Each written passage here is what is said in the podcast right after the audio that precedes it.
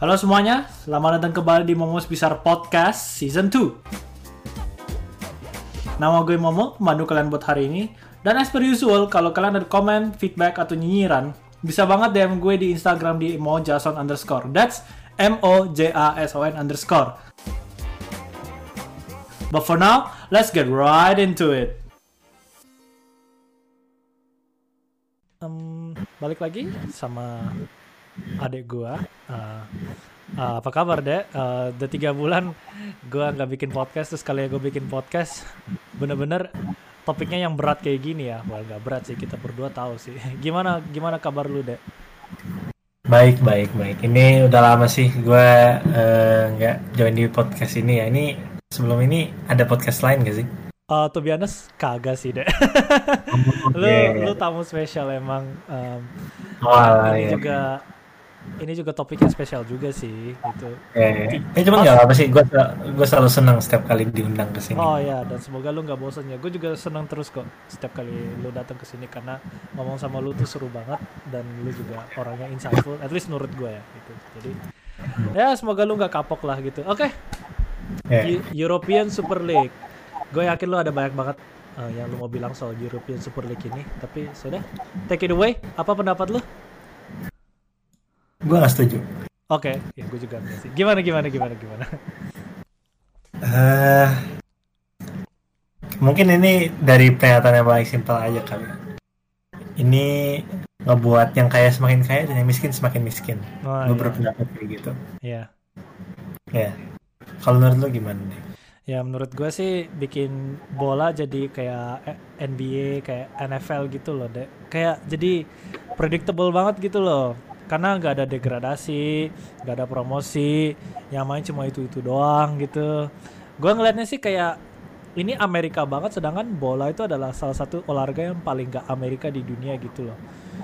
Uh, gitu sih. Ya apa yang lo bilang gue, apa yang lo bilang gue setuju. Tapi pendapat gue sih gara-gara itu dan ya gara-gara itulah gue juga agak nggak setuju although harus gue akuin gue nggak kayak ayo boykot ayo kita berhenti dukung tim kita gitu. Kayak gue nggak sampai segitu sih. Gue let's just say gue nggak punya hard feeling eh hard feelings strong feelings. Kayak very strong opinions about it tapi ya simply simply said ya gue nggak setuju gitu. Hmm, oke. Okay. ya kalau menurut gue sih yang tadi pernyataan yang bilang itu uh, ini mirip Amerika banget sistemnya gue setuju sih. Memang ini mereka rencananya mau ngebuat sistem kayak gitu. Hmm. kenapa mereka mau buat kayak gitu? Karena gaji mereka gede banget. Iya. Iya. ya, dan ya sorry. Uh, lu mesti tahu ini di finance-nya sama JP Morgan cuy gila itu kayak perusahaan yeah. bank gede banget di Amerika. Ini bukan UEFA bukan FIFA ya bisa bilang ini kayak uh, rogue tournament gitu kali ya. Kayak turnamen yeah, yeah. membelot gitu ya. Turnamen ya pembelot untuk nggak uh, ikut lagi sama FIFA gitu ya iya istilahnya. sama UEFA juga. Oh ya mungkin buat listeners yang kayak baru dengar podcast ini terus kita tiba-tiba nggak bahas Super League dan tiba-tiba kita berdua nggak setuju pasti kayak eh, ini kenapa ini? Kenapa kalian nggak setuju? Nah jadi gini teman-teman.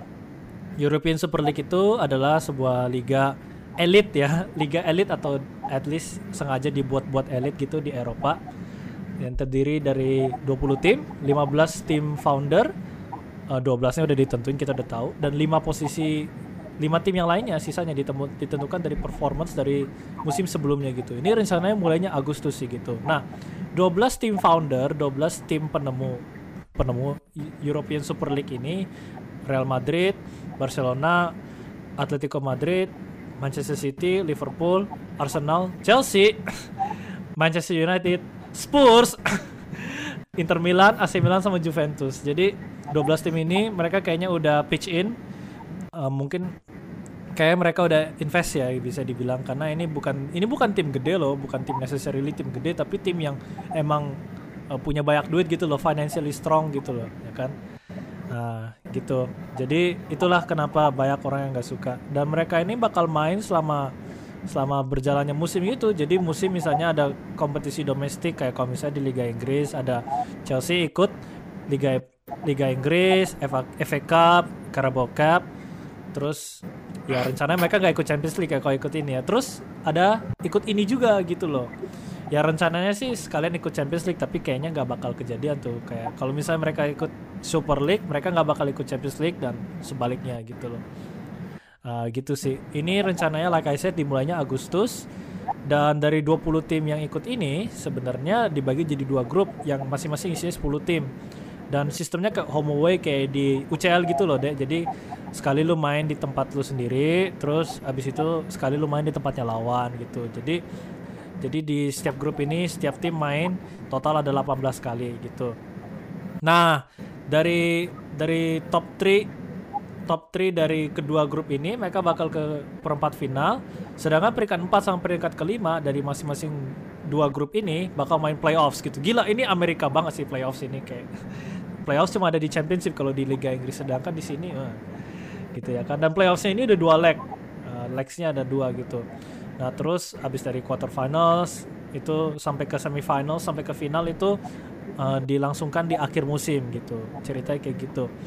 Dan finalnya mestinya di Mei quarterfinals sama semifinals juga dua legs gitu. Basically kayak UCL gadungan lah gitu bisa dibilang. Jadi buat listeners yang nggak tahu ini formatnya kayak gimana dan tuh biasanya banyak sih ya dari kita yang nggak peduli formatnya yang kita peduliin cuma kenapa ini harus ada gitu loh ya nggak sih deh ya ya itulah alasannya kenapa kenapa ini harus ada ya gara-gara duit sih sebenarnya. Ya gue setuju banget sih gara-gara duit. Iya karena mereka apa ya mereka ngerasa sebagai klub itu masih kurang pendapatannya. Iya. eh. ya dan apalagi karena adanya pandemi ini gitu mereka ngerasa ini harus segera dilaksanakan gitu untuk menutupi uh, kerugian yang mereka dapetin gitu loh. Iya Padahal klub-klub yang ikut ini kaya-kaya banget loh, Dek. Dan lu lihat chairmannya itu Florentino Perez, aduh gue udah tahu itu orang sus dari dulu, Dek. Itu I don't know. Tapi emang tuh orang rada antagonis sih dan bener-bener kelihatan banget antagonisnya sekarang Florentino Perez bagi yang nggak tahu itu dia sebenarnya presidennya Real Madrid dan dari Super League ini uh, vice chairmannya kayak wakil ketuanya ada empat orang yaitu Andrea Agnelli dari Juventus, Joel Glazer dari MU, John W. Henry dari Liverpool dan Stan Kroenke. Oh no. Stan Kroenke dari Arsenal. Ini lu lihat dari tiga tim tiga tim uh, Liga Inggris yang mana pemiliknya dalam tanda kutip jadi wakil ketua mereka ini kayaknya mereka ini orang Amerika semua nggak sih deh setahu gue gue taunya yeah. John W Bahkan, sama Stan Kroenke itu orang Amerika gue nggak tahu kalau Joel Glazer kayaknya Amerika juga ya yeah, Glazer Amerika nah. Henry Amerika Kroenke Amerika Spurs itu kan sebenarnya Daniel Levy yang sering yeah, tapi Joe Lewis Joe Louis Joe Louis itu Amerika Joe Louis oh. itu partnernya Daniel Levy jadi oh. empat orang yeah. Liga Inggris dari enam perwakilan ini orang Amerika kecuali uh, City dan Chelsea ya yeah. Abramovich sama Sheikh Mansur. Mansur, ya, ya Sheikh Mansur. Iya. Ya, itu ya itu kelihatan banget sih.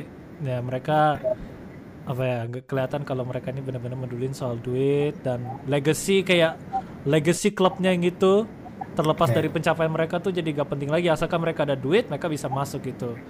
Yeah. Ya maksudnya si gue inget banget sih baru-baru ini si uh, Opa Perez ya, Papa Perez gitu.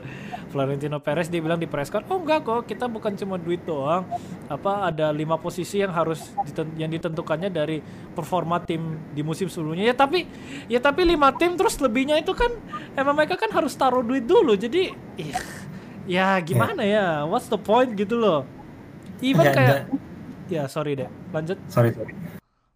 Ya, jadi Bah, ya menurut gue ya lima tim itu juga nggak ada maknanya samsek gitu loh. Iya. Karena karena ada 15 tim yang bakal di situ terus gitu loh. Iya. Kalau kalau lu lihat UCL gitu uh. atau Premier League gitu, hmm. lu nggak bakal tahu musim depan siapa yang tetap bertahan. Ya lu bisa prediksi sih, ini probabilitasnya lebih tinggi nih.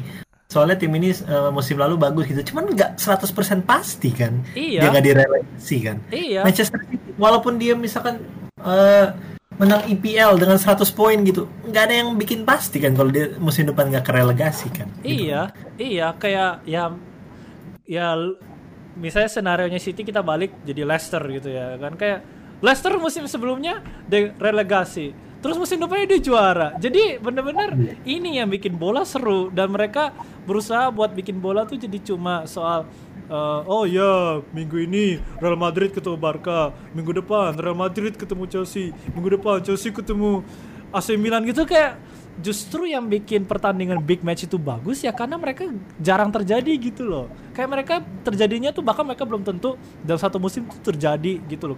Mereka belum tentu tim-tim besar ini dalam satu musim gitu ketemu gitu loh. Kalau mereka ketemu terus setiap minggu kan jadinya nggak seru ya nggak sih deh jadi kayak pre- predictable gitu loh Iya iya itu gue setuju sih big match jadi ngerasa nggak sebagus dulu pasti kalau dengan format kayak gini. Dan ya gue juga ngerasa kita tuh nggak ada apa ya. Walaupun kita misalkan dikalahin sama tim-tim kecil, itu tuh tetap ada rasa apa ya.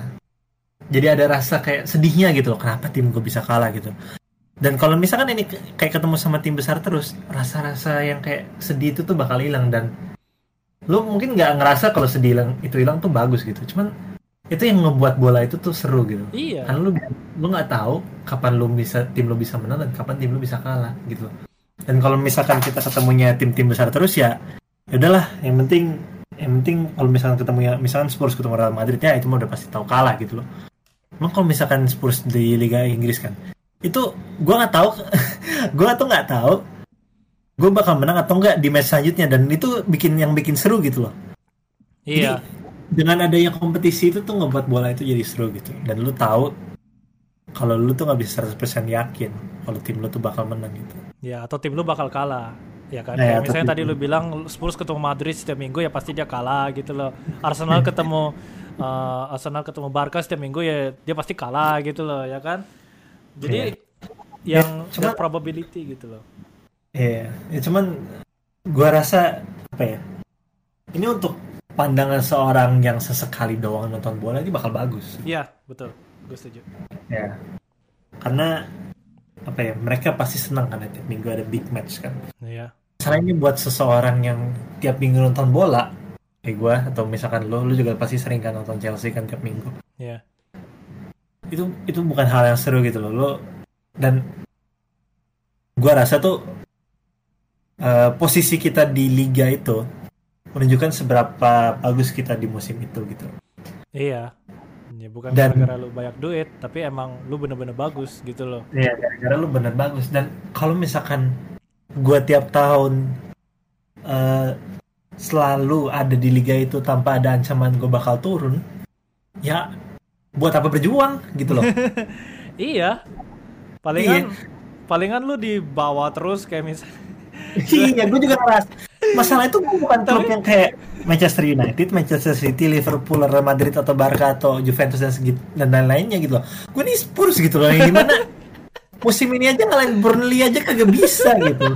Eh, ya bisa sih musim ini ngalahin Burnley dua kali. Eh, misalkan ngalahin West, West, eh, West Brom juga iya. Apa ya Leeds gitu atau apa gitu ya. Pokoknya tim-tim yang kecil aja, oh Fulham gitu misalkan. Kita masih kemarahan gitu. Atau apalagi Newcastle lawannya gede gitu loh. Lagi tiap minggu ketemu Real Madrid, City, segala macem gitu loh. Ya gimana nih? Kita pasti di bawah klasmen. Tapi masalahnya gue nggak bakal dipanis gitu loh sama sama kayak gitu. Karena- itu bakal tetap di situ Iya. sampai akhir. Gak ada insentif buat lu improve gitu loh di dalam liga itu. Karena Iya, ya iya. lu nggak dipanis, lu di bawah ya udah lu di bawah, lu nggak juara ya udah lu nggak dapet duit tapi either way gitu loh. Lu nggak Iya. bener-bener kehilangan duit, lu cuma miss out on kemungkinan lu dapat lebih banyak duit gitu loh. Ya nggak Iya, sih? iya. Ya kan? Iya, Jadi lu- kayak Iya. Cuman miss out doang dan akhir-akhirnya ya lu tetap di situ terus gitu nggak ada yang bikin lu takut untuk terrelegasi gitu.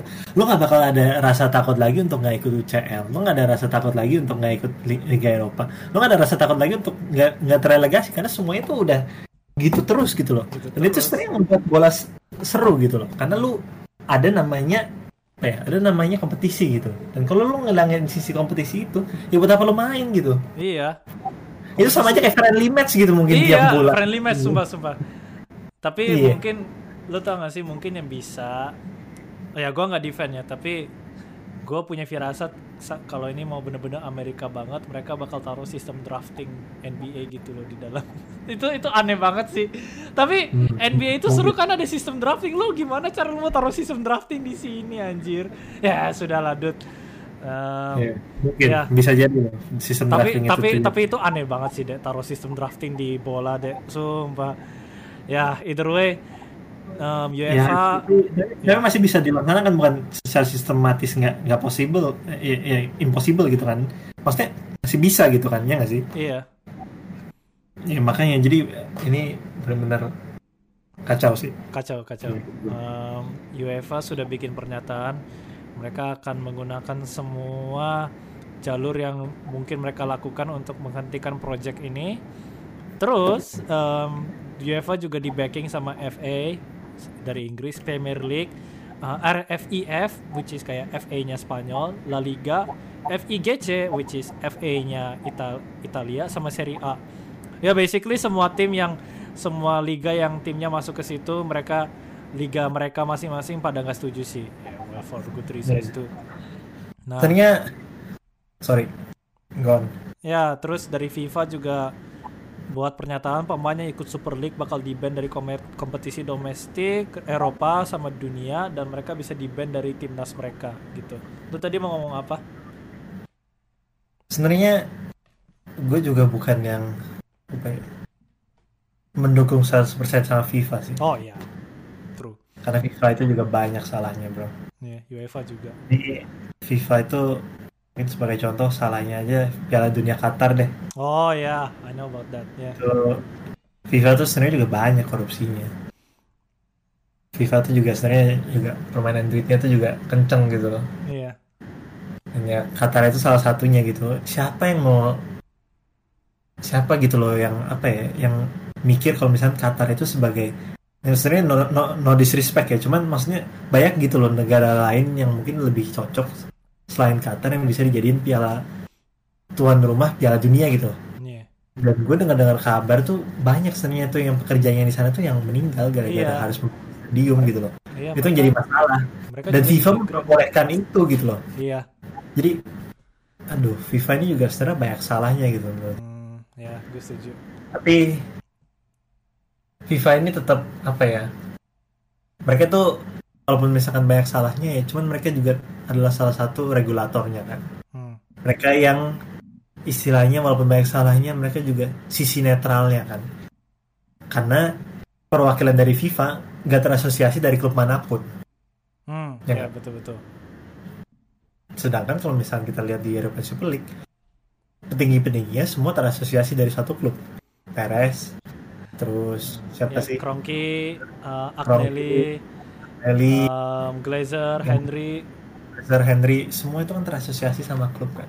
Hmm, dan kalau lu betul. terasa- terasosiasi sama klub lu pasti mau dong klub lu sukses, sukses kan? Ya iya itu lagi. Nah ah ya itu lagi. Udah Berarti- pasti udah pasti yang lain dirugikan sih gitu. Bisa jadi yang lain dirugikan gitu. Ujung-ujungnya tapi bisa aja cuma tapi bisa aja tuh. ini. Kita kan kalau misalkan sebagai eh, fans ngeliat hasil kan ya. Hmm, dan gue sih yakin ini pasti ada match match fixing sih kalau misalnya ini petinggi petingginya adalah dari klub-klub ini. Iya. Hasilnya ya pasti sesuai dengan apa yang mengenerate income paling besar. Hmm. kalau misalkan ini saatnya untuk Spurs kalahin Real Madrid dan karena itu mengalahkan itu karena itu apa ya? Karena itu menghasilkan income terbesar ya ya udah itu yang dilakuin. Gitu loh. Iya. Dan dan pasti itu apa ya itu semua pasti balik lagi ke profitnya sih. Gua. Dan itu yang membuat hilang gitu. Jadi nggak ada lagi yang namanya underdog story yang gitu-gitu. Soalnya semua itu udah terencanakan kalau menurut gue iya. Betul. lebih ke underdog script ya gitu. Karena semuanya udah ditentuin gitu loh. Bukan story Ya, yang semua- genuine bener-bener uh, sebuah Iya. tim underdog sebuah tim kuda hitam gitu yang benar-benar berjuang untuk Iya. mengalahkan tim yang dijagokan gitu ini sekarang udah meskipun ada underdog dalam tanda kutip tapi itu kayak masuk script gitu loh dia kayak udah ditonton oh ya dia pasti menang gitu gitu Iya. semua tuh ada udah di- diatur gitu loh karena ini karena asosiasinya itu ya pendirinya ya pem- pemegang klub itu sendiri gitu loh ya kan? Hmm. ya ya, Ya, itu- setuju. jeleknya sih kalau menurut gue sih. Banyak jelek. Ya. Um, kayak cuman milih aja sih. Antara siapa yang lebih Eh, ini milih yang lebih nggak jelek aja sih kalau menurut gue Necessary. sama-sama jelek necessary evil deh maksudnya Iya. em, yang mana yang dalam situasi ini lebih jahat gitu loh. Dan kita tahu sekarang yang bikin ESL ini yang lebih jahat dalam situasi ini gitu. Ya mungkin besok mungkin besok FIFA bakal kong kali kong sama ESL who knows who knows karena FIFA kita tahu juga nggak terlalu bagus UEFA juga kadang-kadang ada masalahnya sendiri lu tahu kan sebenarnya sebelum ESL ini uh, dibikin UEFA itu mau bikin kayak uh, mau merombak mau mereform uh, sistemnya UCL iya dan setahu gue memang rencana itu bakal jadi sih Iya, terus tiba-tiba langsung di diumumin ESL langsung deh buyar deh rencananya gitu. Uh, iya. Nah, yeah. um, satu hal yang harus kita notice dari banyaknya tim gede yang masuk ke ESL ini, tim Jerman gak ada yang ikut dan PSG juga nggak ikut. Tim Jerman, uh, lu pasti tahu dong kenapa mereka nggak ikut karena ada peraturan 50 plus 1 di dalam Liga Jerman. Jadi kayak commercial investors kayak konglomerat yang duitnya banyak gitu mereka nggak boleh punya saham lebih dari 49% dalam klub di Jerman gitu. Jadi Bayern Munchen, Dortmund, Leipzig gitu. Mereka pemiliknya, pemilik mereka meskipun pemilik tapi mereka mungkin cuma punya 49% dari klub dan selebihnya dimiliki oleh para para fans gitu loh. Bagus sih itu gue setuju sih. Dan bagus lah gitu. Iya. Ya benar sih kalau itu jadi ya memang klub Jerman kenapa nggak ikut? Sebenarnya tapi satu hal yang gue agak bingung kenapa PSG nggak ikut? Mungkin in way, mungkin karena mereka way, udah terlalu cuan kali deh makanya ya, ya. ya ngapain sih gitu loh. Mungkin mereka udah terlalu kaya kali ya. Jadi iya. mereka ngerasa nggak perlu ikut kali ya. Sama iya. mungkin mereka belum trofi UCL kali ya. Iya. Oh iya bener. Ya City juga belum dapat tapi mereka ikut juga deh ya. iya tapi klub ownernya ngerasa mereka belum terlalu kaya gitu. Hmm. Kayak PSG Iya, PSG mah udah terlalu cuan deh. Terus uh, ya FIFA tidak merecognize kompetisi uh, European Super League ini seperti yang kita tahu. Dan selain dari pernyataan badan-badan sepak bola, tentunya dari para pundit ya, dari para komentator, misalnya Gary Neville dari Sky Sports. Nah, paling mantep dia tuh. Dia bener-bener ngeren selama 20 menit gue tonton dari awal sampai habis itu dia ngeren. Tapi ya tentu saja dia nggak setuju tapi dia bener-bener dia benar-benar merasa malu. Misalnya kayak dibilang Liverpool lu lu berani bilang you never walk alone. Lu berani bilang kalau tim lu itu buat para fans tapi lu ngelakuin kayak gini. MU juga MU itu dari tim kelas pekerja tapi lu lu pada malah ngelakuin kayak gini gitu ya kan? Terus dia juga mengecam pokoknya kalau mereka bener-bener ikut dan mereka bener-bener masuk ke ESL ini poin mereka harus dikurangin dan mereka harus ditaruh di di bawah klasemen dan duitnya juga pokoknya mereka juga harus dikenain sanksi gitu menurut lo gimana? Ya gue mah setuju sih yang kayak gitu mah soalnya ya, menurut gue ini memang gak, nggak boleh ada klub yang ikutan yang kayak gini ini yeah. menurut gue ini sangat menghancurkan citra sepak bola gitu loh hmm. tapi masalahnya ini dengan mereka menyatakan ini kalau misalkan mereka ke depannya batal aja kita udah tahu jadi citra pemiliknya tuh gimana. Oh iya. Iya benar. Kita tahu. Iya deh gue pernah lihat juga di komen um, yang ngomong meskipun ini dibatalin ya kita tahu kalau mereka ini sudah setuju mereka udah mau ikut dan terlepas dari ini turnamen jadi atau enggak ya kita tahu tujuan mereka apa gitu loh. Ah yeah. benar-benar merasa dihianati tau kayak top 10 anime betrayals right there gitu loh. Iya. Ini ya sebenarnya gue apa ya banyak sih kan orang-orang yang pengen memboikot gitu kan. Hmm. cuman gue yakin sebenarnya orang-orang yang memboikot itu yang mungkin mereka bilang mereka nggak mau nonton dulu lah atau apa itu nggak bakal jadi kejadian. Dan mereka tahu betul nih pemimpin, pemimpin ini tuh tahu betul. Mungkin awalnya mereka bilang mereka nggak mau nonton di ESL kan tapi lama-lama juga lu, nonton juga ya, iya kan karena lu udah sangat sayang gitu sama klubnya lo pasti akhirnya nonton juga apalagi karena big match gitu. Wah lo pasti penasaran juga kan. Iya. Dan itu sebenarnya yang agak gue benci ya gara-gara mereka memanfaatkan itu gitu loh. Iya. mereka memanfaatkan cintanya kita terhadap klub tapi mereka nggak memberikan cintanya balik gitu gitu ya gue setuju. Kayak iya. emang fans itu yang paling tersakiti sih. Duitnya udah dihabisin buat beli season tickets udah yeah. kalau misalnya kayak pertandingan Eropa gitu mereka harus travel ke luar negeri gitu ya kan yeah. nonton nonton di tempat yang mereka nggak ngerti sama sekali tempatnya dua kalah mau menang gitu dan diper dan dibalasnya kayak gini gitu sayang banget Hmm. sih lo pas lu tahu Spurs itu masuk perasaan lu gimana deh Ya, gue kecewa aja sih. Gue juga nggak nyangka Spurs masuk sebenarnya. Terus Ya, kayak maksud- menang apa apa-apa semenjak 13 tahun terakhir ini nggak bisa kepilih. Dan yang, dan yang ingin menangin nih kan bela Cup anjir. Iya. Terakhir. Major Trophy kayak Premier League kagak pernah. UCL kagak pernah. Kenapa masuk ya? Ya kan bukan gara-gara lalu lu ber- kita berdua kan tahu deh kan bukan gara-gara merit tapi gara-gara money. Kalau lu pitchin ya lu masuk gitu loh. You pitchin you get in my guy gitu loh. Jadi ya Eh, jadi gue sih. gue udah tahu nih sebenarnya kalau misalkan akhirnya masuk pun ya juga gue juga gak bakal menang apa-apa gitu jadi Bakal- pialanya gak ada bahkan masuk situ pun gak ngincer piala juga ya deh Iya. buat apa lu masuk kalau misalkan lu nggak ada nggak ngincer pialanya gitu loh mending lu tetap stay di FIFA aja gitu loh ya akhir-akhirnya ini kalau jadi kelihatan banget ini Daniel Levy ini ya buat duit doang gitu loh Iya. dan lu tau nggak sejak tahun 2009 ini ya Wenger udah memprediksi oh ya bakal ada European Super League Hmm. dan eh, tiga tahun kemudian Tottenham merencanakan pembangunan stadium. Dan pada akhirnya stadion baru kan Tottenham sekarang ada stadion baru kan? Hmm. Nggak stadion itu? Stadion baru itu kalau misalkan lagi nggak ada Spurs yang main dipakai buat apa? Oh buat itu ya? Buat itu ya? Oh iya. Buat pertandingan NFL oh ya benar NFL NFL dan eh, konser sih. Ja- jadi intinya semua tuh ya tentang duit dan akhir-akhirnya pembangunan stadium itu tuh ya memang direncanakan supaya bisa ikut ISL kalau menurut gua semua ini udah jadi mastermind gitu loh iya Iya, dan gue juga dengar-dengar sih sebenarnya Perez sudah merencanakan semenjak 20 tahun sih. Iya udah dari tahun 98 gak sih kalau gue nggak salah dengar. Maksudnya kayak Iya. rumornya sudah mulai dari tahun 98 gitu. Iya. Ya super Eropa, Eropa ini aduh. Ya, dan Spurs Aduh, ini ini kayak kalau banyak pendukung bola yang bilang ini nih kayak mimpi buruk tau gak sih kayak nightmare gitu atau kayak uh, April Mop yang udah telat banget gitu. Karena ini aneh, ini absurd banget gitu loh.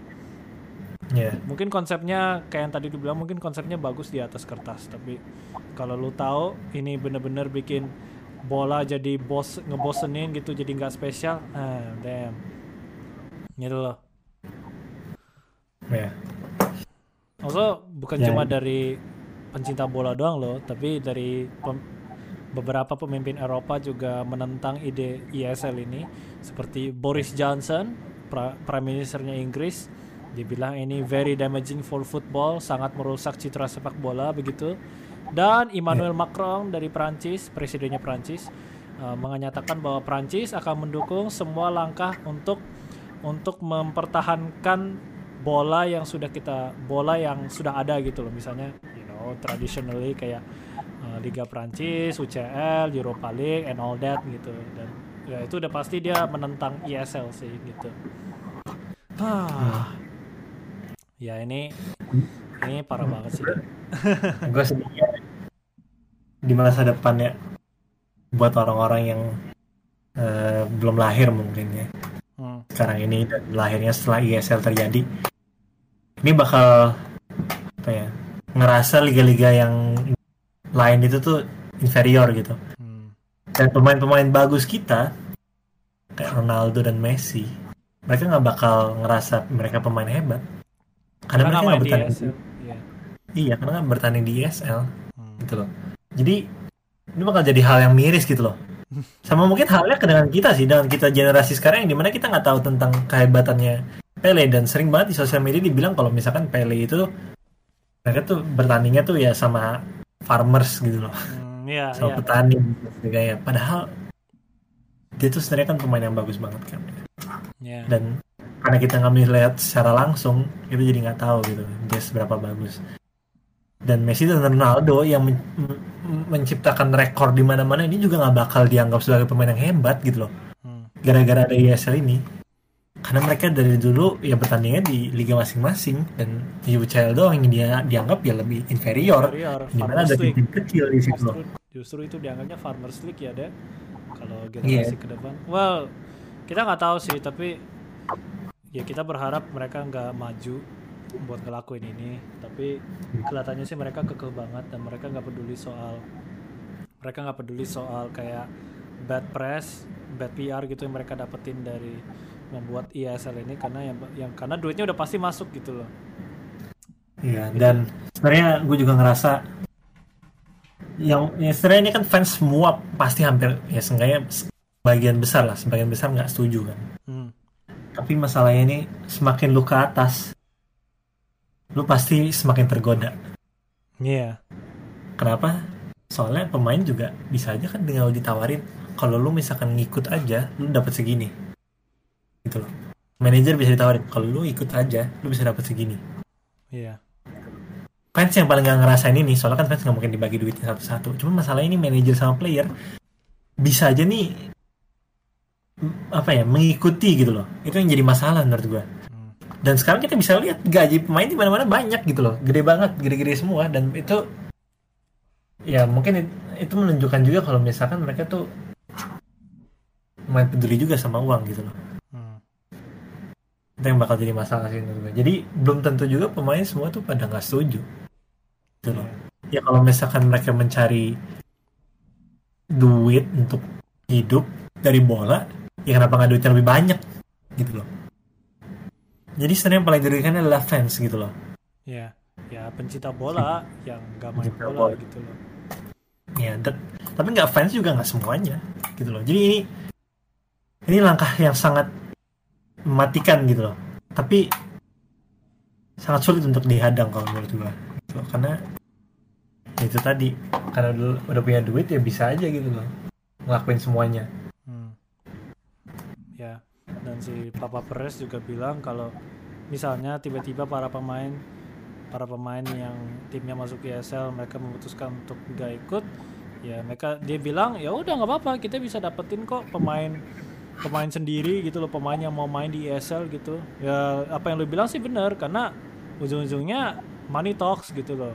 Ya gue sebagai pemain meskipun meskipun seidealisnya mau seidealis idealisnya gue juga ya gue bakal mikirin duitnya dong gitu loh.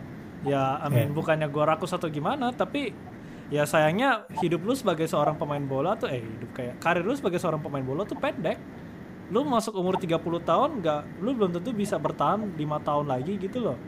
Ya kan? Hmm. jadi ya like yang kayak yang lu bilang lu harus bisa kalau lu bisa dapat lebih banyak duit dalam waktu yang singkat pas lu masih prime pas lu masih fit ya kenapa enggak gitu loh. Ya sayangnya itu sih. Maksudnya kita bilang ayo lu sebagai pemain lu suka sama lu masih punya passion terhadap bola Eh, kayak lu masih cinta sama bola nggak? Gitu. Tapi ya lu ngomong itu lu dari sisi idealis kalau lu dari sisi yang lebih realistis ya kemu- kemungkinan besar you gonna take the money you gonna take the deal gitu loh Ya benar sih ya sekarang juga zaman makin ke depan juga makin banyak juga orang yang pindah gara-gara duit kan. Banyak pemain yang pindah gara-gara duit kan. Hmm, gitu loh. iya Jadi duit tuh sangat berpengaruh juga sih, sangat bisa bisa sangat mempengaruhi juga sih ini untuk ini terjadi. Yeah. It's a bit Ya, dan- weird though. Maksudnya gue lagi mik gue begitu ini diumumin terus gue liat di Reddit gitu ya kan. Gue kan sering di Reddit. Ada yang bilang kan ESL ini dibilangnya akan mematikan tim-tim underdog ya kan. Tapi lu mikir deh. Ya gue nggak defend ya. Cuma kalau misalnya ini beneran terjadi ya it's, it's a bit weird. It's a bit interesting. Let's just say di Liga Inggris nih ya kan 6 tim yang masuk ESL bakal dikeluarin dari Liga Inggris ya kan? Nah yang ada malah underdog tim-tim underdog yang naik gitu loh deh jadi kayak in a way ini liga ini malah bisa liga super ini malah bisa me- menaikkan underdog gitu loh ya. Tapi di liga masing-masing. Cuma malah bisa men- menaikkan citra underdog gitu loh dan misalnya let's say 6 6 tim ini hilang kalau gua nggak salah kan peringkat 7 itu Wolves kan Wolverhampton kan. Dia langsung naik gitu loh deh eh enggak ding. Ada les peringkat peringkat Iya, keempat kan iya, Chelsea. iya. lima West Ham. West Ham langsung naik jadi peringkat satu gitu deh. Jadi dia udah jadi dia malah sebagai meskipun dia tim yang rada underdog tapi dia malah jadi sukses gitu loh. Jadi nah maksudnya gue nggak defend gue nggak mau gue nggak membela ISL ya tapi kalau beneran kejadian sih dan mereka dikeluarin dari Liga Inggris ya bakal bermunculan tim-tim underdog yang baru tim-tim tim-tim gede the big six yang baru gitu loh. Ya jadi keren sih tapi ini di di sisi yang lain itu screwed up banget sih menurut gua. Ya, menurut gue itu bisa terjadi. Kalau misalkan Premier League sama ESL jalannya berbarengan. Hmm, Tapi as of right now, nggak gitu kan situasinya kan. hmm, ESL disuruh jalan sendiri, Premier League dan dan segala governing semua liga yang ditanganin oleh FIFA itu berjalan sendiri. Gitu loh. Ya nggak sih? Sebenarnya kan dia bilang lima klub ini bakal dia promosiin. Nah masalahnya kalau misalkan dari FIFA nggak setuju, dari mana promosinya? iya FIFA Ya kan? mah FIFA kan tuh udah nggak setuju dia kan nggak menganggap kompetisi ini gitu loh Premier League juga let's just say misalnya Premier League sendiri bilang UEFA atau Premier League kayak gue lupa tapi bilang kalau misalnya lu mau masuk ESL lu harus minta izin sama kita dan mereka udah nggak setuju sama liga itu jadi dari Liga Inggris mah gak ada yang bisa masuk lagi deh selain eh, 6 tim 6 tim yang sudah buy in ke ESL gitu loh Ya, makanya. Hmm. Ya. Yang gitu sih. Nih, memang lagi agak kacau ya. Cuman kita lihat aja deh gimana ke depannya.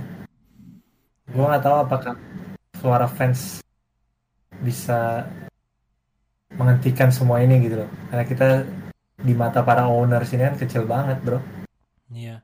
Banyak yang bilang sebuah klub itu nggak bisa berjalan kalau nggak ada fans. Tapi at the end of the day, ya mereka mereka yang punya duit and money gives you power.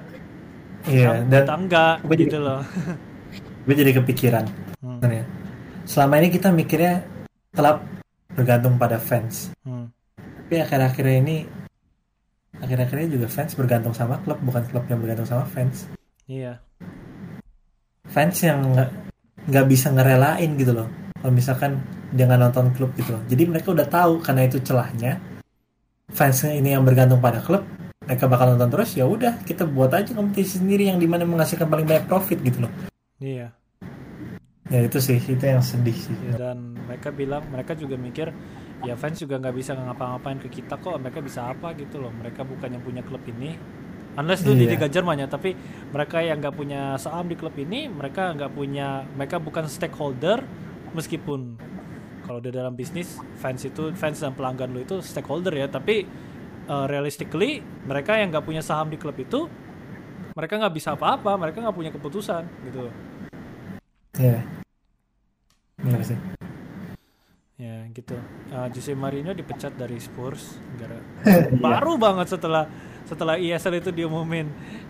Um, dan banyak yang bilang itu ada hubungannya sih. Menurut lo ada hubungannya nggak? Ya semua report mengatakan nggak ada hubungannya. Ya, tapi gue yakin pasti pasti ada hubungannya sih. Ya. Ya kalau dari media dari kalau misalkan nggak ada hubungan kalau misalkan nggak ada hubungannya kenapa harus minggu sebelum Carabao, Carabao Cup final gitu? Hmm, iya. minggu ini tuh ketemu City buat Carabao Cup final. Kenapa harus minggu sebelumnya? Kenapa nggak dari dulu? Kenapa nggak setelahnya? Gitu. Loh Hmm, kenapa harus timingnya setelah pengumuman ISL ini gitu loh hmm. Kenapa alasannya? Ya gara-gara dia pengen bikin distraksi kalau menurut gua. Ini semacam lang- langkah public relation sih menurut gua. Ya pengalian isu. Pengalihan isu. Ada ini sekarang kan misalkan fans Spurs lagi pada benci-bencinya gitu Hmm, sama Mourinho kan. hmm, Terus tiba-tiba Spurs ini ikut ISL lah, jadi benci kan sama klubnya. hmm. Ya udah kasih mereka suatu hal yang bikin seneng lah. Udah Mourinho dipecat gitu. jadi ya gitu sih. Menurut gue ini sebenarnya langkah PR aja sih. langkah public relation aja sih untuk, lebih mengontrol lah istilahnya Ya damage control kerusakan yang telah terjadi enak juga sih. Um, Spurs punya that luxury buat pecat satu satu aspek yang fansnya udah nggak suka yaitu Mourinho sedangkan tim-tim lain kayak Chelsea kayak Spurs eh kayak MU kayak Liverpool yang manajernya masih oke-oke aja gitu. Ya mungkin klub formnya nggak terlalu bagus tapi dia masih lebih oke dari Mourinho ya formnya ya. Itu manajer terjebak gitu loh deh kayak lo tahu si Klopp si Jurgen Klopp kan pas lawan Leeds kemarin. Pas lawan Leeds Yeah. kemarin dia kan ditanyain soal ESL terus dibilang ya dia dia nggak bisa dia nggak mau banyak komentar gitu. Dan ya gue setuju sih. Maksudnya bukannya gue setuju sama pendapat dia tapi di situasi seperti di situasi dia itu dia nggak bisa banyak komentar karena ujung-ujungnya dia masih dia masih karyawan buat klub itu gitu loh. Ya kan? Iya. dan apa pun istilahnya apa pun yang klub itu lakukan ya dia harus dia harus setuju. Dia harus 100% on board gitu. Dan kesian juga sih karena gue yakin personally orang kayak dia pasti nggak setuju sama pembentukan ISL gitu. Tapi karena dia masih karyawannya Liverpool ya dia nggak bisa apa-apa gitu loh. Iya, gitu. benar. Sa- sama kayak Thomas Tuchel sama kayak eh, Ole. Mereka bilang ya eh, gue nggak bisa bilang apa-apa. Eh, si Thomas Tuchel bilang ya gue mau fokus aja ke bolanya ke pertandingan-pertandingan kita buat musim ini gitu. Sedangkan Ole juga bilang Ole bilang dia belum bener-bener eh, research tentang ESL dan dia karena dia belum research dia nggak bisa membuat opini gitu loh. Ya kesian juga sih manajernya. Kesian juga sih kayak para pemainnya. Eh, maksudnya at this point ya bukan ke depannya kayak yang lu bilang yang bakal ditawarin duit segala macam. Tapi at this point in the present mereka mereka harus mereka harus fokus bertanding. Terus ada isu kayak gini yang bisa ngebuyarin mental mereka gitu loh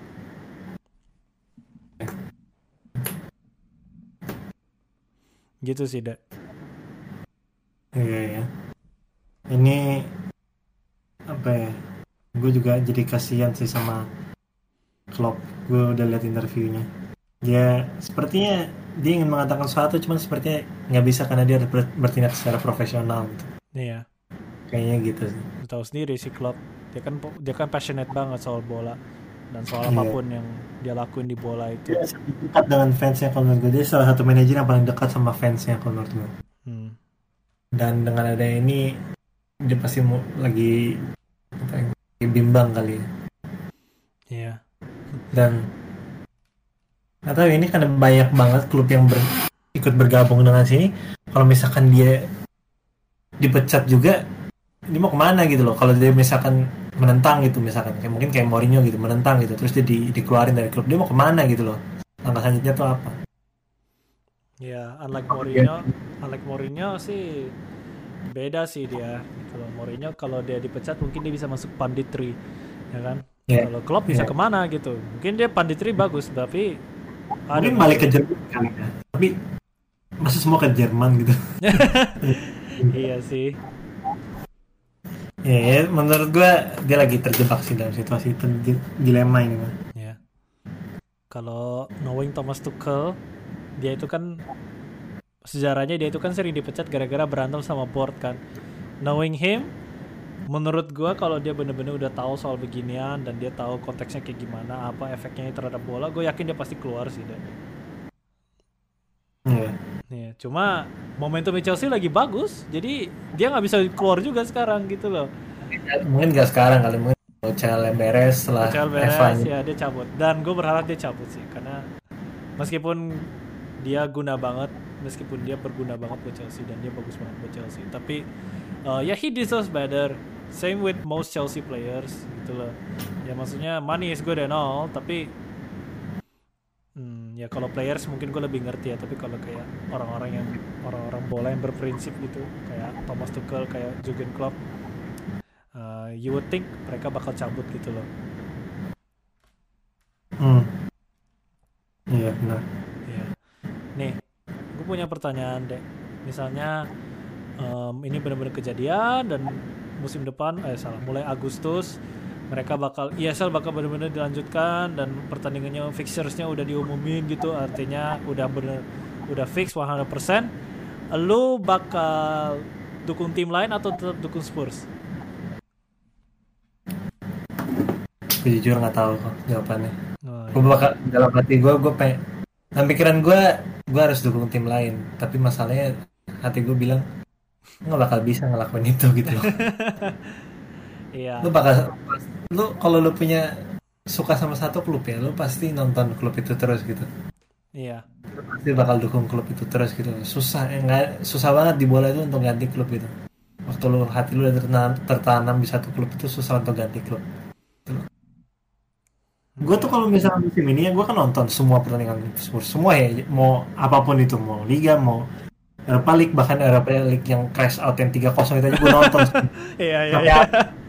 Iya. sampai habis sampai 120 menit gue nonton gue tim gue tersingkir gitu gue nggak gue nggak matiin TV TV-nya sama sekali gitu untuk Iya. nggak nonton Iya. dan dengan di waktu di trash sama eh, Manchester United sama Manchester City gue tetap nonton gitu Hmm. waktu gue kalah di FA Cup 5-4 sama Everton gue tetap nonton gitu semuanya sampai akhir gitu. Iya. ya dan apa ya itu itu yang ngebuat gue apa ya itu yang nge- gitu aja tuh gue tuh nggak bisa berhenti nonton gitu apalagi apalagi ntar bakal ada big match big match ini gitu loh yang di mana bakal menarik juga gitu pasti akhir-akhirnya buat gue jadi gue nggak yakin sebenarnya dengan pikiran gue yang di mana gue harus berhenti nonton Spurs karena akhir-akhirnya gue tetap bakal nonton gitu Iya. Apa Jadi- sih yang membuat orang itu bisa men- berhenti mendukung sebuah klub gitu loh? Kayak misalnya orang orang kayak lu gitu, apa yang bisa membuat lu berhenti gitu?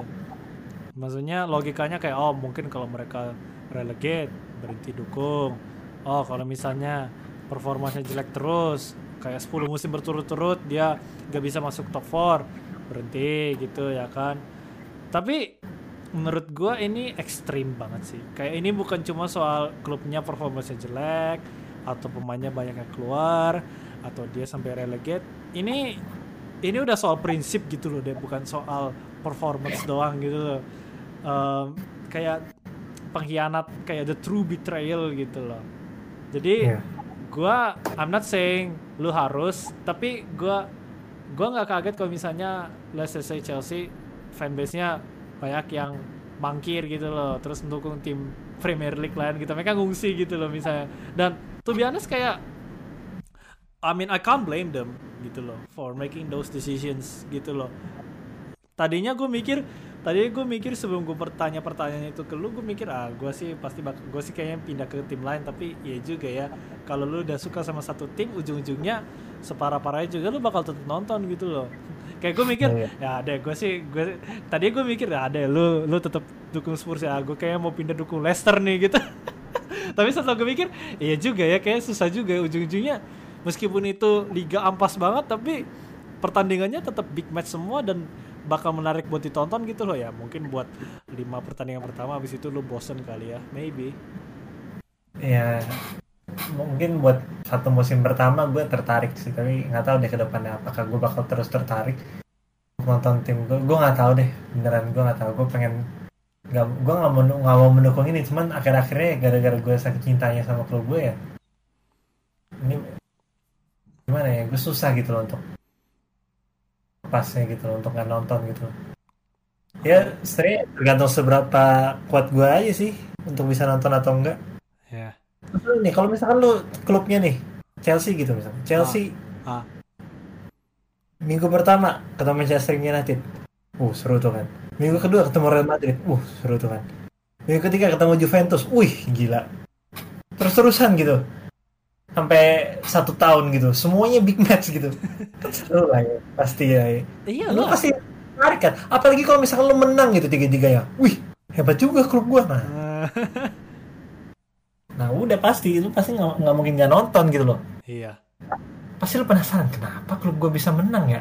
Tapi emang gue Hmm, ngelihatnya most likely gue nge-treat itu bakal kayak friendly match sih kayak that's the problem though deh. Kayak gue meskipun itu pertandingan bagus semua tapi gue gue ngerasa malah nge-treatnya kayak friendly match dan sayangnya sebagus-bagusnya lawan lu di friendly match you don't take friendly match seriously though. Itu permasalahannya di situ sih.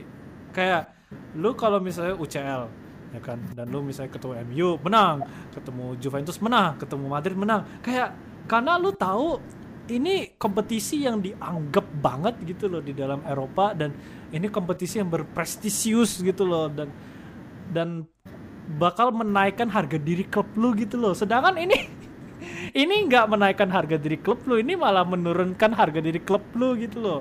Ah, I Hmm, mean not saying that I mean not saying that lu nggak boleh nonton, but buat dari perspektif gua sih meskipun pertandingan menarik tapi malah pertandingannya dari konteks pertandingannya you don't take it seriously gitu loh karena malah gue ngerasa kayak lu kayak tadi lu bilang kayak friendly match pertandingan persahabatan gitu loh gitu Masalahnya gini, Hmm. mungkin lu bisa nganggap itu sebagai pertandingan persahabatan. Tapi apa kalau bisa nganggap semua pertandingan di dalam satu tahun itu pertandingan sa- persahabatan? Kan nggak juga kan? enggak Masa lu menganggap Chelsea satu tahun semua pertandingan persahabatan gitu? Ya pasti kira-kira lu pasti berubah juga mindsetnya ya ini satu-satunya kompetisi yang ini udah ini udah jadi norm ya itu masalahnya Iya. itu sih kalau lu taruh Iya. ini lama let's just say 2-3 tahun ini jalan terus dan oposisinya boy oposisi boykotnya um, berkurang oh ini jadi norm deh dan ya kayak Iya. lu bilang generasi setelah kita bakal ngerasa ini ini the only elite competition out there dan kompetisi domestik Eropa dunia Betul. bahkan malah jadi nggak ada apa-apanya gitu loh Iya, jadi nggak ada apa-apanya. Ini satu-satunya kompetisi yang paling berprestis gitu loh. Iya, ini the the the competition gitu loh.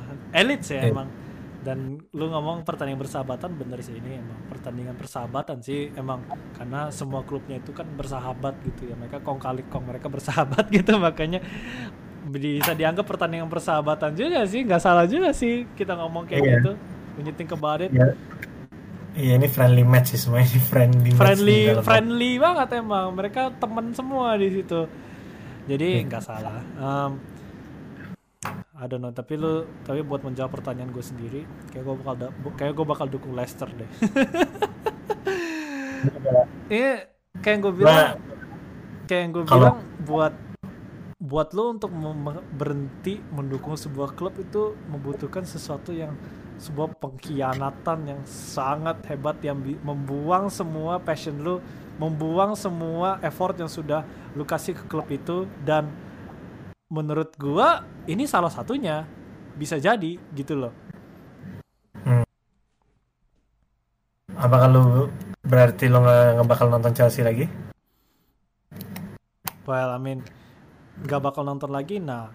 Tapi gak bakal dukung lagi most likely there's there's a difference there between nonton lagi gak bakal nonton lagi dan gak bakal dukung lagi deh. Ya kayak kayak maksudnya lu dan gua kita nonton banyak banget pertandingan bola klub-klub besar lain. Bukan berarti kita dukung klub itu dong ya kan? Kita cuma nonton aja gitu loh. Treat it as a another football club or another big football club gitu loh. Mungkin sih. Mungkin gue juga harus ngeliat klub itu sebagai apa ya? Mungkin kayak pasangan kali, kayak pacar kali. ya ya. Dia mengkhianati lu gitu. ya udah kayak mau- tapi bener sih Masa lu mau terus sama dia? Masih banyak kok yang lain gitu. masih banyak masih banyak dan dan ini Lu bukan udah- so- dan ini bukan soal karbitan gitu loh deh maksudnya gue yakin semua penonton di dunia semua pendukung bola di dunia takut dianggap karbitan karena uh, pas performanya lagi jelek turun terus tiba-tiba pindah ke klub lain gitu. Tapi ini enggak deh ini ini enggak ada ini udah bukan soal performance kayak gue bilang ini lebih ini udah soal prinsip gitu loh. Uh, dan maksud gue adalah lu ngelakuin ini well menurut gue ya lu nggak bakal dicap uh, plastik gitu loh. Karena this is iya like I said ini soal prinsip gitu loh. Justru kalau Mungkin justru karena mungkin gue gini Ya. kali ya. ya gimana mungkin gimana? gue nggak nonton Premier League lagi kali ya. Gue soalnya ngerasa agak mengkhianati juga sih. ah yes yes oke oke gue paham gue paham ya Mungkin gua cari klub di luar yang nggak ikut ESL juga. Mungkin Liga Spanyol, Liga Jerman mungkin. Liga Jerman aja itu Dortmund Bayern Leipzig gitu kan bagus Iya, for real for real for real mungkin bisa sih kalau kayak gitu. Alternatively do, lu tau gak sih? Gue ada ide lain. Well, I mean, ide gue nggak berarti apa-apa, tapi cuma cuma pikiran aja.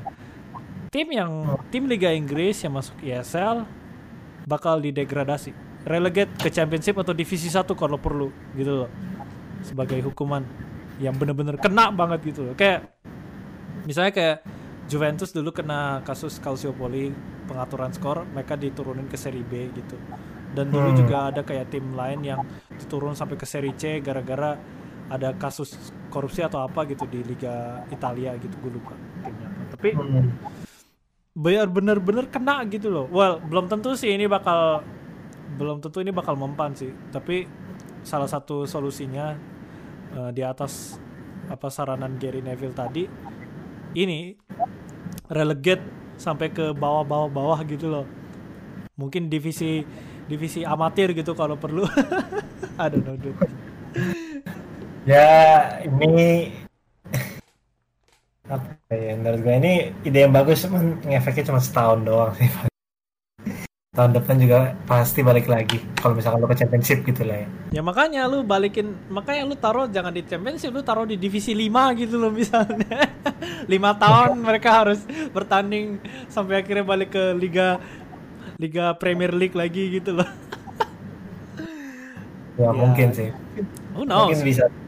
Who knows? Karena karena duitnya deh, karena duitnya di situ nggak terlalu bagus loh deh. I mean, Yeah. no, no offense, tapi emang duitnya nggak terlalu bagus gitu. Ya, Dan tim dan pemainnya juga pasti banyak yang keluar dong, karena siapa yang mau tanding di situ gitu loh. Ya, ESL, ESL duitnya bagus tapi at what cost? Lu jual lu jual jiwa lu gitu loh. Kalau lu cuma main di situ doang. Ya mereka pasti jadinya bakal fokus sih di ESL, nggak bakal fokus di Liga Inggris lagi. Ya, Liga Inggris yang main yang dimainin U18, U16. Iya. Nah, itu bisa Karena juga mereka sih. paling mereka jadi kayak gitu. Jadi pemain-pemain 16-nya yang dipakai gitu buat tanding di Liga Inggris yang divisi bawah gitu.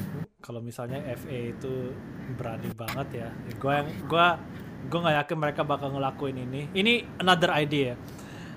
Gue nggak yakin mereka bakal ngelakuin ini tapi kalau mereka bener ngelakuin ini ini gila banget sih. Mereka bakal disband semua tim Premier League yang ikut ESL wah itu lebih gila lagi sih deh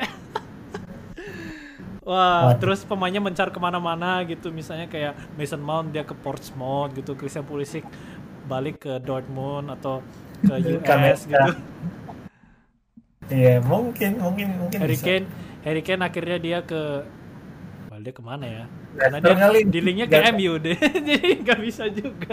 Ya, ke Leicester kali dia kan pernah di Leicester. Oh kan? iya, iya, dia pernah di Leicester. Oke, Harry Kane ke Leicester gitu. Uh, Huminson ke dia dulu Ke? Leverkusen, Leverkusen. Leverkusen. Iya. Uh, Timo Werner ke Havertz balik ke tim asal mereka dan mereka akhirnya jadi bagus lagi. Tapi itu gila sih deh. Itu menurut gua gak bakal kejadian karena FA itu sayangnya nggak punya power buat ngebubarin tim begitu aja. Enggak sih. Ya. Tapi itu sih itu kalau misalnya bener-bener kejadian itu keren banget sih gitu. Nggak bakal kejadian sih. Ya nggak bakal. Tapi i, I don't know. Ini mestinya ini apa pun yang terjadi di depan harus ada dokumenter Netflixnya sendiri sih. Karena ini gila banget. Lo tau gak sih sebelum kita masuk ke podcast ini, gue mikir uh, teori konspirasi ya. Mungkin Florentino Perez itu playing the villain untuk menyatukan dunia bola gitu loh, dunia fans bola gitu. Karena dia ngelihat kayak ya enggak ini ini teori konspirasi sih. There is no way karena scenario terlalu absurd. Karena dia ngelihat terlalu banyak perpecahan di dalam sepak bola kayak Messi lawan Ronaldo lah, you know, terus akhirnya mereka jadi toxic. Akhirnya mereka jadi toxic, terus akhirnya ayo kita harus bikin sesuatu yang bisa menyatukan semua fans bola. Akhirnya dia bikin ESL gitu. Perez mah kagak peduli begituan buat apa dia bikin begituan.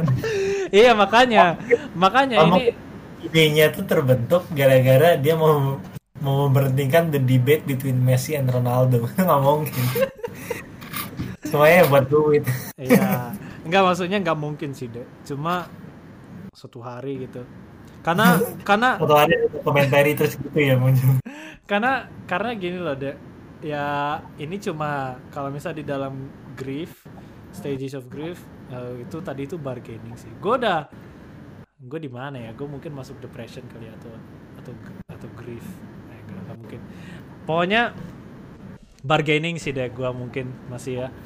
Karena gue nggak percaya hal ini bisa terjadi di dalam dunia bola gitu loh gitu Hmm. kayak gua ngelihat dan pernyataan Florentino Perez juga kayaknya kayak Bond villain banget gitu loh. Dia bilang oh tenang aja mereka nggak bakal bisa bubarin kita. Oh tenang aja. Pemain-pemainnya kalau pada keluar kita bakal bikin baru gitu. Oh tenang aja ini bakal tetap lanjut terus apa pun yang fans lakukan gitu. Itu terlalu itu terlalu absurd gitu loh dia kayak terlalu jahat gitu loh dia ngomongnya kayak gitu. Terlalu terlalu uh, mereka- sinis gitu loh. tetap bisa untuk ngel- ngelanjutin. Iya. Karena mereka punya duit itu itu kalau menurut gue itu itu dia how does he sleep at night? Gitu loh.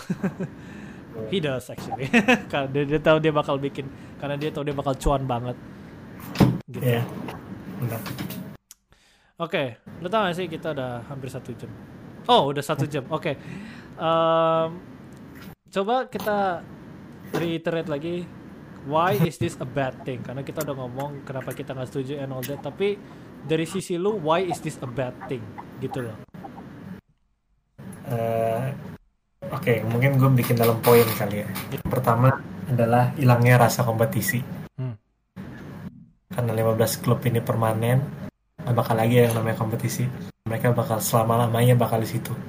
Menang kalah di peringkat paling bawah, tetap bakal di situ. Mungkin poin pertama. Yang kedua adalah eh, mungkin hilangnya rasa apa ya? Mungkin mereka tuh jadi membuat elitisism gitu loh. Yang di mana dulu kalau misalkan kita di Premier League itu tuh klub tuh kan bisa saling membantu kan ya. Misalkan ada Manchester United tahun West Brom gitu. West Brom kan bisa kenal bisa dibantu kan eh, sama yang nonton Manchester United kan karena ada revenue sharingnya kan pasti kan dengan era ini ya jadi ya mereka mereka yang klub kecil ya bakal makin kecil lagi gitu loh. Karena mereka nggak bakal dapat generate income dari waktu ngelawan klub besar gitu loh. Jadi klub-klub yang kecil ini ya bakal tetap ya makin lama makin bawah dan yang klub besarnya makin lama makin besar gitu karena setiap hari big match gitu. Dan sementara yang klub kecilnya setiap hari ya small nggak pernah lawan tim besar gitu loh istilahnya. Terus juga ya ya ya mungkin ini eh, apa ya memberikan rasa apa ya rasa sepak bola yang bisa datang dari mana pun semuanya kayak pesepak bola tuh bisa dari mana pun dan klub itu dibangun dari kecil itu ya hilang semua gitu loh esensinya gitu. Klub itu kan bisa jadi gede sekarang kan gara-gara dibangun dari kecil. Nah masalahnya ini kalau misalkan gue kalau misalkan ini udah ada kayak liga sendiri yang di mana hanya klub-klub besar yang ada di situ ya berarti klub-klub kecilnya ini ya bakal sama lamanya tetap kecil gitu. Nggak bakal bisa jadi gede gitu. Bakal sama lamanya ya di situ terus gitu. Jadi gede. Sama ya yang terakhir ya mungkin nggak bakal lagi ada cerita seru di, di dunia sepak bola nggak bakal lagi ada yang namanya Leicester Underdog Story 2015-2016 nggak bakal lagi ada cerita mungkin kayak semacam apa ya ini ya kayak Monaco gitu waktu di Champions League ini sampai jauh banget nggak bakal lagi ada kayak Spurs gitu ya mungkin Ajax. di Champions Ajax, Ajax, Ajax, Ajax. Spurs kan ketemu Ajax. Ajax kan, itu juga jauh, ya, jauh juga dan- itu. Spurs dan Ajax itu di di Champions League nggak bakal lagi ada cerita-cerita kayak gitu. Cerita di dunia sepak bola ya bakal gitu-gitu aja stagnan dan gak ada cerita-cerita menarik ke depannya. Selagi asal ini terbuat ya udah gitu-gitu aja ya. Nggak udah ganti tak yang juara cuman ya tetap aja klub itu klub gede. Hilang gitu rasanya. Dan itu sih mungkin. Hmm. yang bisa ngomong. Hmm, Oke oke. Ya well said deh. Gue nggak bakal nambah poin dari lu sih karena lu udah mencakup semua semua poin. Why ESL is no good for football dan say no to ESL ESL gitu loh. Tentu saja ke depannya lu berharap ESL ini nggak dilanjutin tapi itu berpikir idealis banget. Realistisnya kemungkinan besar mereka bakal tetap lanjut. Tinggal masalah siapa yang bakal keluar gitu loh karena menurut rumor yang beredar ada klub-klub ada dua klub Liga Inggris yang masuk di ESL yang tidak setuju dengan kebijakan di ESL itu dan mereka ingin back out gitu loh. Ya, who knows, mungkin pas podcast ini udah naik, udah ada perkembangan baru lagi. Dan gue berharap Iya. siapa pun itu klubnya, ya gue, maksudnya as much as gue berharap itu Chelsea atau lu berharap itu Spurs, tapi siapa pun itu klubnya, em, semoga mereka keluar sih gitu. siapa pun itu klubnya gitu loh, gitu. Ya. Cuman Um, kalau klub keluar pun juga ya kita udah tahu citranya. kita udah tahu mereka tetap setuju sama beginian. Jadi tetap aja uh, lukanya tetap ada di sono gitu. Oke? Hah, oke eh, sudah tidak terasa sudah satu jam. Gue udah ngomong gue udah ngomongin soal ini soal European Super League sama adik gue makasih banyak deh lu udah bersedia mengeluarkan unek-unek lu soal Eropa eh, European Super League di sini seneng banget bisa ngomong lagi sama lu di podcast ini dan semoga lu gak capek ya jangan kapok-kapoknya ya ke sini ya Iya, gue senang sih. Ya kalau bahkan kalau mau tiap minggu juga nggak apa-apa kok. ya kalau lu nggak sibuk dan gue nggak sibuk sih deh masanya kita Iya. berdua we're two um, busy people sadly gitu but ya Iya. uh, ya always a pleasure to have you here dan Iya. juga buat Sama. listeners ya ya buat pencinta bola di luar sana. Ya I mean apa pun ya I mean do what you want lah. Cuma just know that this thing just say no to ESL just say no to the Super League. Okay Uh, until then um, see ya guys. Bye bye Bye. Thanks for tuning in to this episode of Momo's Bizarre Podcast.